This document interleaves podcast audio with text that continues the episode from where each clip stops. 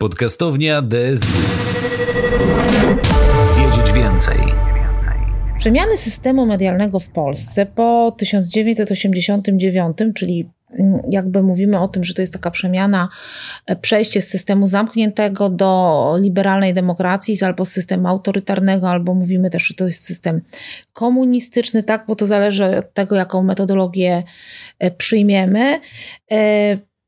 Te, ta transformacja, która zaszła e, w systemie medialnym po 1989 roku, korelowała też z transformacją całego państwa.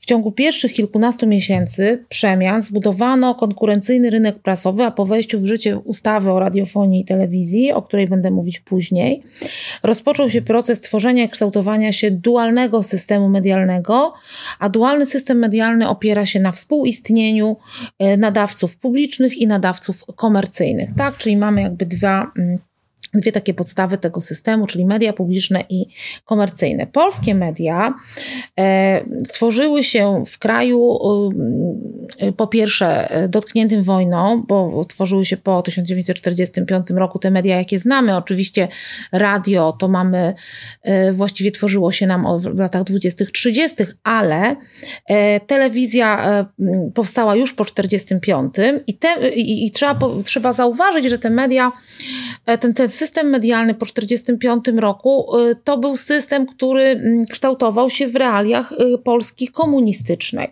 Ze wszystkimi kluczowymi elementami tego ustroju, które go definiują. Ustrój Polski, jakiej Rzeczypospolitej Ludowej, czyli PRL-u, został uregulowany konstytucją uchwaloną w 1952 roku. I ta ustawa e, sankcjonowała przynależność Polski do bloku wschodniego poprzez podporządkowanie Związkowi Radzieckiemu. E, co więcej, była to konstytucja wzorowana na tej radzieckiej. Celem stawianym e, w konstytucji była budowa socjalizmu. E, należy jeszcze dodać, że w 1976 roku wpisano do tej PRL-owskiej konstytucji artykuł, artykuł 3 o przewodniej roli partii. Zatem ustrój, kiedy opisujemy w ogóle ustrój PRL-u, na razie należy brać pod uwagę zarówno konkretne zapisy prawne, ale też praktykę ustrojową, czyli sposób interpretacji tych przepisów i dopiero e, porównanie tych dwóch czynników pozwoli nam zauważyć, że system określony w tej konstytucji tak naprawdę różnił się od tego rzeczywistego. E, w konstytucji PRL-u mało się wspominało o mediach, ponieważ decydująca tak naprawdę, jeżeli chodzi o kształt mediów, była również partia, tak? czyli Partia Polska Zjednoczona, Partia Robotnicza. I ówczesne środki masowego przekazu zostały całkowicie podporządkowane celom ideologicznym, czyli partii. Ich zadaniem od samego początku było budowanie i utrwalanie społeczeństwa socjalistycznego, kształtowanego w myśl założeń marksizmu i leninizmu. W centrum zainteresowania były stosunki społeczne, a raczej nowy ich kształt, oparty na antagonizmie między klasą robotniczą a burżuazją, czyli posiada posiadaczami. Likwidacja tego konfliktu stanowiła cel państwa socjalistycznego. Sprawy ekonomiczne materialne i materialne były bazą tego systemu, a reszta, na przykład prawo, kultura, y, y, ideologia, religia, media oraz wiele innych elementów, to jest nadbudowa systemu. Głównym zadaniem mediów w tym systemie komunistycznym było zatem umacnianie aktualnego kształtu państwa, czyli media były wówczas częścią pionu ideologicznego, a co za tym idzie narzędziem aparatu propagandy PRL-owskiej. Media w PRL-u stanowiły własno, własność państwową i nie było innej formy własności. Tak, czyli wszystkie media w PRL-u, w państwie socjalistycznym, e, były państwowe. W państwie socjalistycznym decyzje dotyczące pra, e, prasy czy w ogóle mediów podejmowano centralnie i, i tak samo to właśnie było w przypadku telewizji. Charakterystycznym elementem tego systemu była cenzura. Już po 1945 roku zostało utworzone Centralne Biuro Kontroli Prasy, a 5 lipca 1946 roku powołano Główny Urząd Kontroli Prasy, Publikacji i Widowisk i on był podporządkowany bezpośrednio prezesowi Rady Ministrów. Kluczowa była w tamtym okresie e, nowelizacja dekretu o cenzurze, stanowiąca element wyraźnie umacniającego się systemu totalnej kontroli. Ustawa e, ta zmieniła się dopiero dopiero 31 maja 1981 roku, choć utrzymała ona faktycznie system cenzury, to doprecyzowała, które tematy było, były zabronione. Od, od lipca 1981 roku ten, tę cenzurę przemianowano na Główny Urząd Kontroli Publikacji i Widowisk. E, kluczową zasadą funkcjonowania mediów, mediów PRL-u była więc instrumentalność, czyli bezwzględne podporządkowanie się dyrektywom i celom partii. Zadaniem mediów było dostarczanie ludziom kontrolowanej, a nawet wyimaginowanej informacji. Rzeczywistość przedstawiana w mediach była kreowana na potrzeby ustroju. Nie oznaczało to, że media całkowicie nie, re, nie realizowały swoich funkcji. E, naj, e, najpełniej uwidaczniało się to w tematyce społecznej, kulturalnej lub wychowawczej. Wszystko to jednak działo się w granicach wyznaczonych przez państwo socjalistyczne. Tele, telewizja przez cały PRL, czyli 37 lat tego, istnienia tego państwa, była właściwie najbardziej opiniotwórczym medium realnego socjalizmu. Strukturalnie i prawnie uzależniona była od władzy wykonawczej, którą reprezentował wówczas Radiokomitet. E, to jest taki skrót od e, nazwy Komitet do Spraw Radia i Telewizji. Ciało to było kontrolowane, to było ciało, które kontrolowało media audiowizualne. Przewodniczący Radiokomitetu odpowiadał bezpośrednio przed premierem. Wszystkie kluczowe decyzje, tak personalne, jak i programowe, były podejmowane przez KCPZPR, Komitet Centralny Polskiej Zjednoczonej Partii Robotniczej. Rząd jedynie je sankcjonował. Juliusz Braun, e, to taki mm, badacz mediów i też jeden z prezesów telewizji polskiej, zauważył, że telewizja polska zdobyła sobie popularność w latach 50., e, dlatego że emitowała sztuki teatralne, filmy, e, ale szybki wzrost, czyli taki, taki, taki, taką zawartość rozrywkową, jednak ten szybki wzrost zainteresowania odbiorców wskazał władzom komunistycznym, władzom PRL-u, y, drzemiący w tym nowym wówczas medium potencjał. Telewizja zaczęła, zaczęła stawać się narzędziem komunistycznej polityki informacyjnej i propagandy. W 1958 roku zaczęto nadawać dziennik telewizyjny, który z jednej strony można odbierać jako bardzo ważny program informacyjny, który gromadził ogromną widownię, z drugiej jednak musimy pamiętać, że to był bardzo istotny instrument propagandy. W latach 70. poprzedniego wieku telewizja w Polsce zaczęła nadawać audycje w kolorze. E, pierwszą audycją, i to jest bardzo ciekawe, e, taką audycją była relacja z szóstego zjazdu Polskiej Zjednoczonej Partii Robotniczej.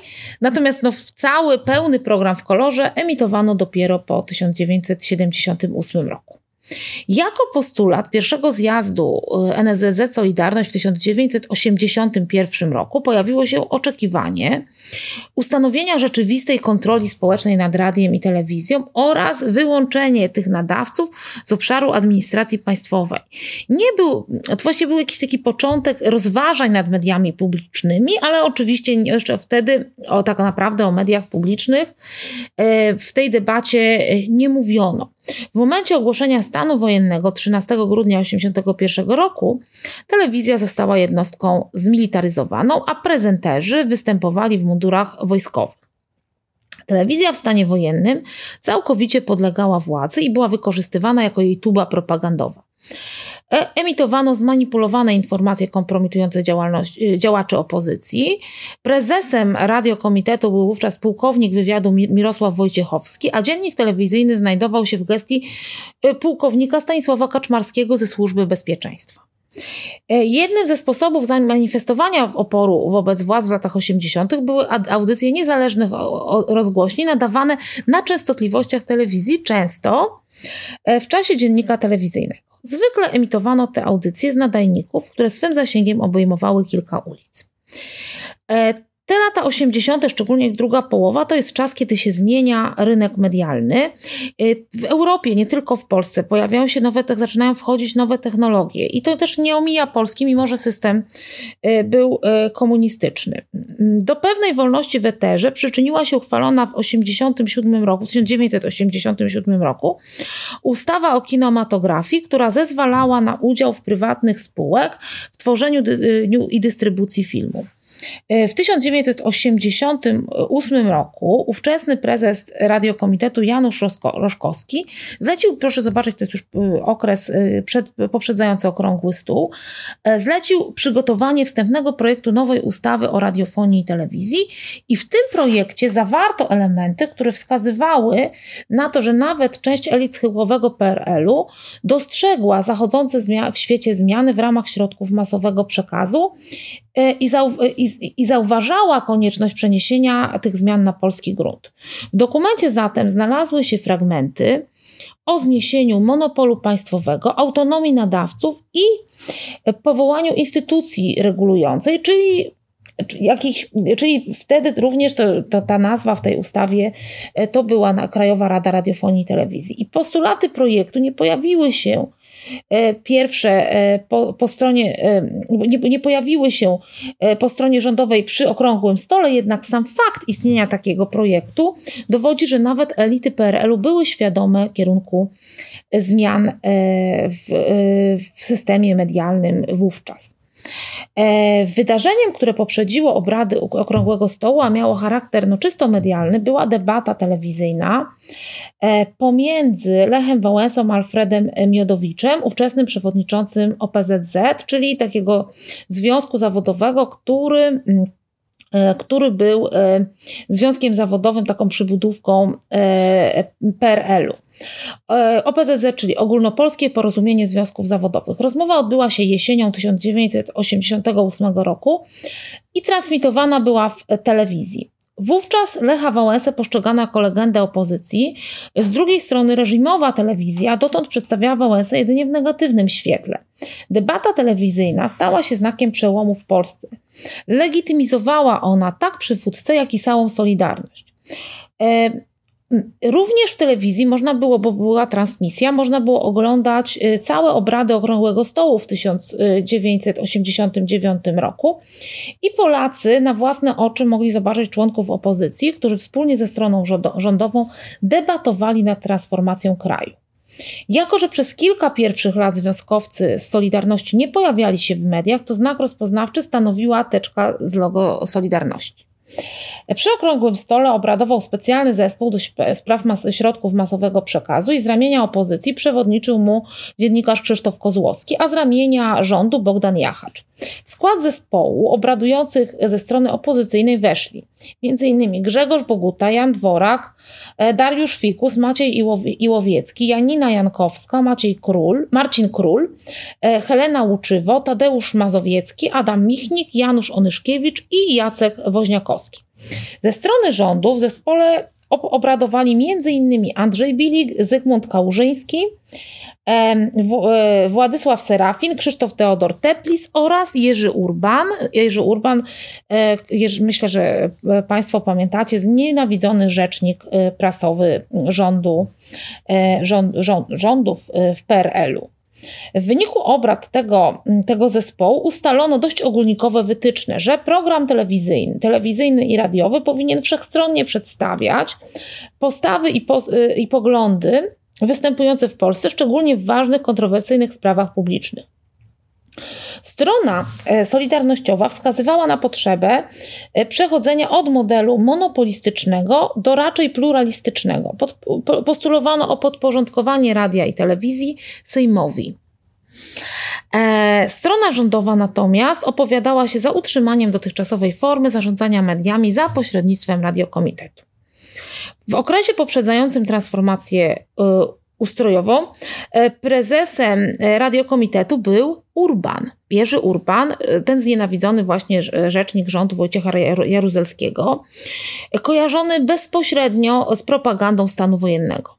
Po czerwcowych wyborach sytuacja mediów w Polsce mm, uległa diametralnej zmianie. Należy zauważyć, że równolegle do przemian politycznych i ustrojowych e, w społeczeństwie występowały wszelkie no, przemiany ekonomiczne i społeczne. Tworzył się rynek medialny, początkowo bez, zupełnie, zupełnie bez e, odpowiedniego umocowania prawnego. E, najważniejsze wówczas procesy dotyczące mediów masowych to proces komercjalizacji prasy, napływ kapitału zagranicznego, powstanie prywatnych nadawców audiowizualnych, wzrost konkurencyjności. E, nowym premierem Rzeczpospolitej Polskiej został Tadeusz Mazowiecki. Uczynił on prezesem radiokomitetu, tak jeszcze cały czas był radiokomitet, Andrzeja Drawicza. E, Drawicz był krytykiem literackim, tłumaczem z rosyjskiego i dziennikarzem w stanie wojennym internowanym. Przywrócił on do pracy w telewizji wielu dziennikarzy zwolnionych za poglądy w stanie wojennym, a odsunął tych związanych najmocniej z aparatem propagandy PRL-u. Jego założeniem było zbudowanie telewizji bezstronnej i rzetelnej. Decyzją nowego prezesa radiokomitetu została powołana w październiku 89 roku, 1989 roku komisja do opracowania projektu zmian prawnych e, nowej radiofonii i telewizji, sposobu kształtowania polityki programowej, realizacji programów, zarządzania e, instytucjami organizacji pracy. Do komisji weszli tacy eksperci, to już byli naprawdę wybitni eksperci, na przykład e, dr Karol Jakubowicz, profesor, profesor Stanisław Jędrzejewski, Elżbieta Sieczkowska, Eliza Bojarska, Stanisław Goliszewski, Janina Jankowska, profesor Tadeusz Kowalski, Stanisław Piątek czy e, Miron Szydłowski. E, zadaniem komisji było zaprojektowanie nowego systemu mediów działających w realiach wolnego przepływu informacji. Tadeusz Mazowiecki podkreślił w słynnym ekspoze, że telewizja i radio powinny mieć charakter pluralistyczny. E, zadanie zreformowania mediów audiowizualnych w Polsce spoczęło wówczas na radiokomitecie i celem było zniesienie monopolu państwa i utworzenie publicznych środków masowego przekazu.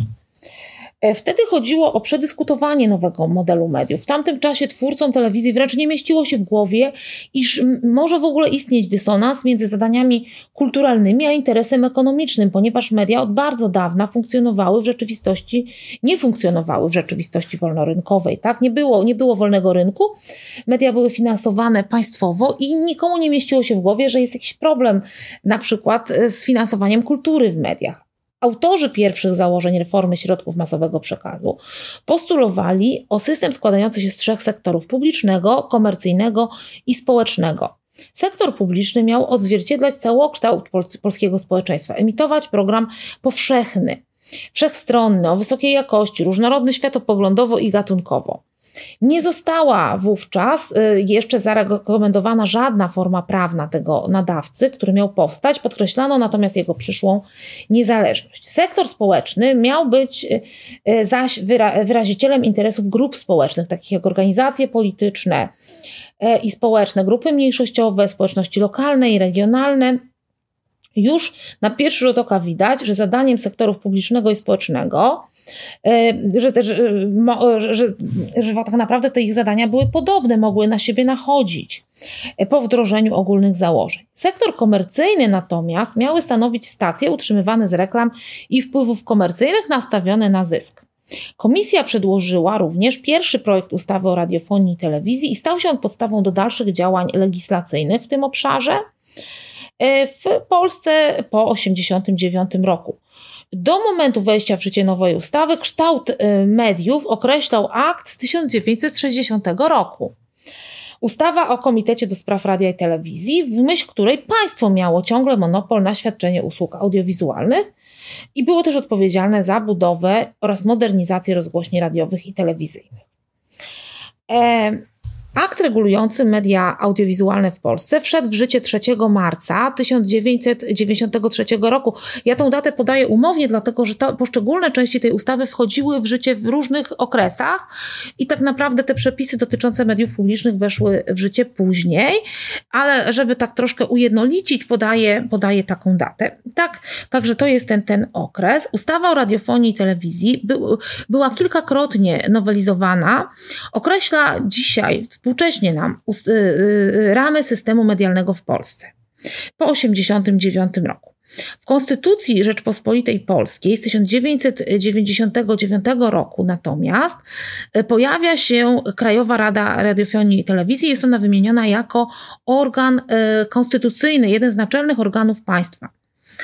E, Ustawa radiofonii i telewizji natomiast reguluje praktycznie już rozpoczętą y, tą wcześniej transformację systemu medialnego.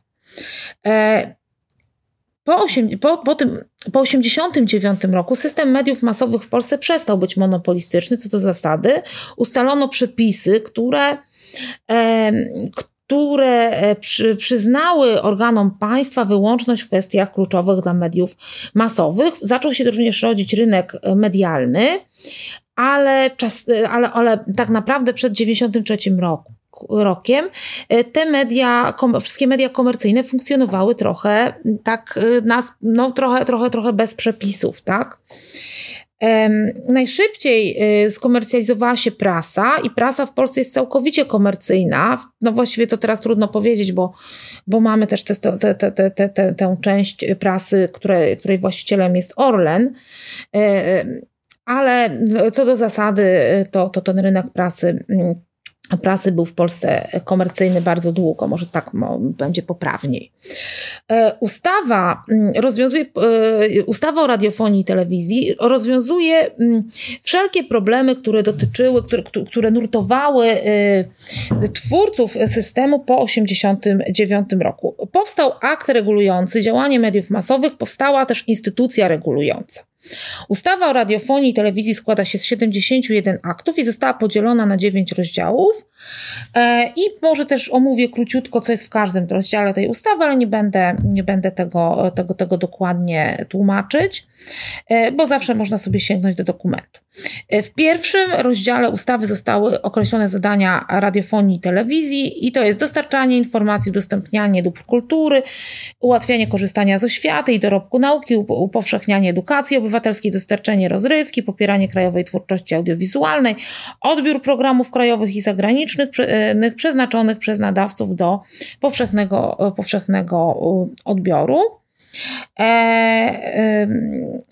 Tak, y, aha, jest, jest wolny z zachowaniem warunków określonych przepisami prawa. Drugi rozdział dotyczy Krajowej Rady Radiofonii i Telewizji. E, I w ustawie mamy określoną liczbę członków, sposób e, ich wyboru, kadencję KRIT-u e, i celowo też zostało. I, i, i, dlaczego ta kadencja tyle trwa. I teraz może wyjaśnię, kadencja KRIT-u w tej chwili, na, na, na teraz, tak po ostatnich nowelizacjach, nie zmieniła się, wynosi 6 lat. Mamy pięciu członków Krajowej Rady Radiofonii i Telewizji, wybieranej przez Sejm, Senat i prezydenta Rzeczpospolitej Polskiej. Członkowie Krajowej Rady Radiofonii i Telewizji powinni być apolityczni. E, mm, nie powinni należeć do żadnych partii politycznych i wiązać się z ugrupowaniami politycznymi. W trzecim rozdziale mm, ustawy pojawiają się przepisy dotyczące kwot programowych. W rozdziale czwartym mamy dokładne przepisy dotyczące radiofonii, e, publicznej radiofonii i telewizji. Rozdział piąty dotyczy koncesjonowania programów. W rozdziale szóstym zapisano zasady e, rozpowszechniania programów po sieciach kablowych. E, rozdział siódmy dotyczy przepisów na temat abonamentu. W rozdziale ósmym mamy określoną odpowiedzialność prawną za łamanie przepisów ustawy, a rozdział dziewiąty dotyczy zmian wcześniej obowiązujących przepisów. Kolejnym aktem prawnym, oprócz ustawy, o którym też już wspominałam, jest, e, który, który mówi nam o, o mediach, a szczególnie o Krajowej Radzie Radiofonii i Telewizji, jest konstytucja. W Konstytucji mamy mm, trzy y, artykuły, które dotyczą Krajowej Rady Radiofonii i Telewizji. To jest artykuł 213, 214 i 215. E, w artykule 213 e, e, Krajowa Rada Radiofonii, mamy, mamy w ogóle wyjaśnione jej zadanie, stoi na straży wolności słowa, prawa do informacji oraz interesu publicznego. Krajowa Rada Radiofonii i Telewizji wydaje rozporządzenia w sprawach indywidualnych i podejmuje uchwały. E, natomiast w artykule 214 mamy, e, mamy, jest mowa o członkach Krajowej Rady Radiofonii i Telewizji, że są powoływani przez Sejm, Senat i prezydenta. Dlatego wszelkie, wszelkie pomysły na, na, na, na też były takie pomysły na takie na nowelizacje, gdzie, gdzie e, członkowie mm, gdzie, gdzie były pomysły, że, że ktoś inny powoływałby członków Krajowej Rady Radiofonii i Telewizji, no od razu widać, że byłyby to niekonstytucyjne, nie, niekonstytucyjne e, propozycje. Członek Krajowej Rady Radiofonii i Telewizji, to też jest w Konstytucji, nie może należeć do partii politycznej, związku zawodowego, ani prowadzić działalności publicznej, nie dającej się pogodzić z godnością pełnionej funkcji. I w artykule 2015 mamy, nie mamy doprecyzowanego jak, ale mamy napisane, mam, mamy taki zapis zasady i tryb działania Krajowej Rady Radiofonii i Telewizji, jej organizację oraz szczegółowe zasady e, powoływania jej członków określa ustawa. Czyli tak jakby twórcy konstytucji złożyli, e, złożyli odpowiedzialność za mm, za to, jak, e, jak, jak będzie wyglądać ostateczny kształt radiofonii i telewizji, jakie są te szczegółowe zasady właśnie na ustawę. E, celem prawodawców było uczynienie z Krajowej Rady Radiofonii i Telewizji organu państwowego kontrolnego i chroniącego prawa. W Konstytucji nie ma mowy o tym stopniu niezależności i bezstronności. Nie zostały również doprecyzowane e, właśnie te kwestie wyboru członków ilu tych członków miałoby być, tylko był, jest, jest, jest e, wyszczególnione, kto ma ich powoływać. Podane e, jest natomiast, że właśnie, że członkowie nie mogą należeć do żadnych organizacji politycznych i branżowych, zatem jest to wskazówką, że organ powinien się cieszyć w jakimś stopniu niezależnością e, polityczną.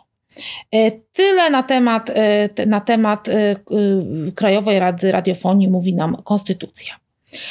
Dyskusja nad kompetencjami mm, Krajowej Rady Radiofonii i Telewizji.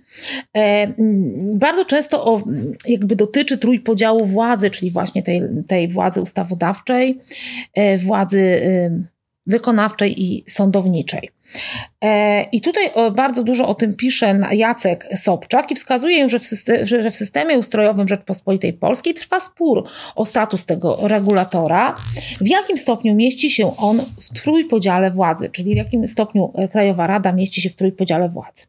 Sobczak podkreśla przede wszystkim, że Krajowa Rada Radiofonii i Telewizji jest organem mocno wyczulonym na wszelkie zmiany polityczne. Podkreśla, że sensownym rozwiązaniem byłoby, gdyby była ona wyposażona w inicjatywę ustawodawczą. Brak takiego rozwiązania osłabia jej rolę.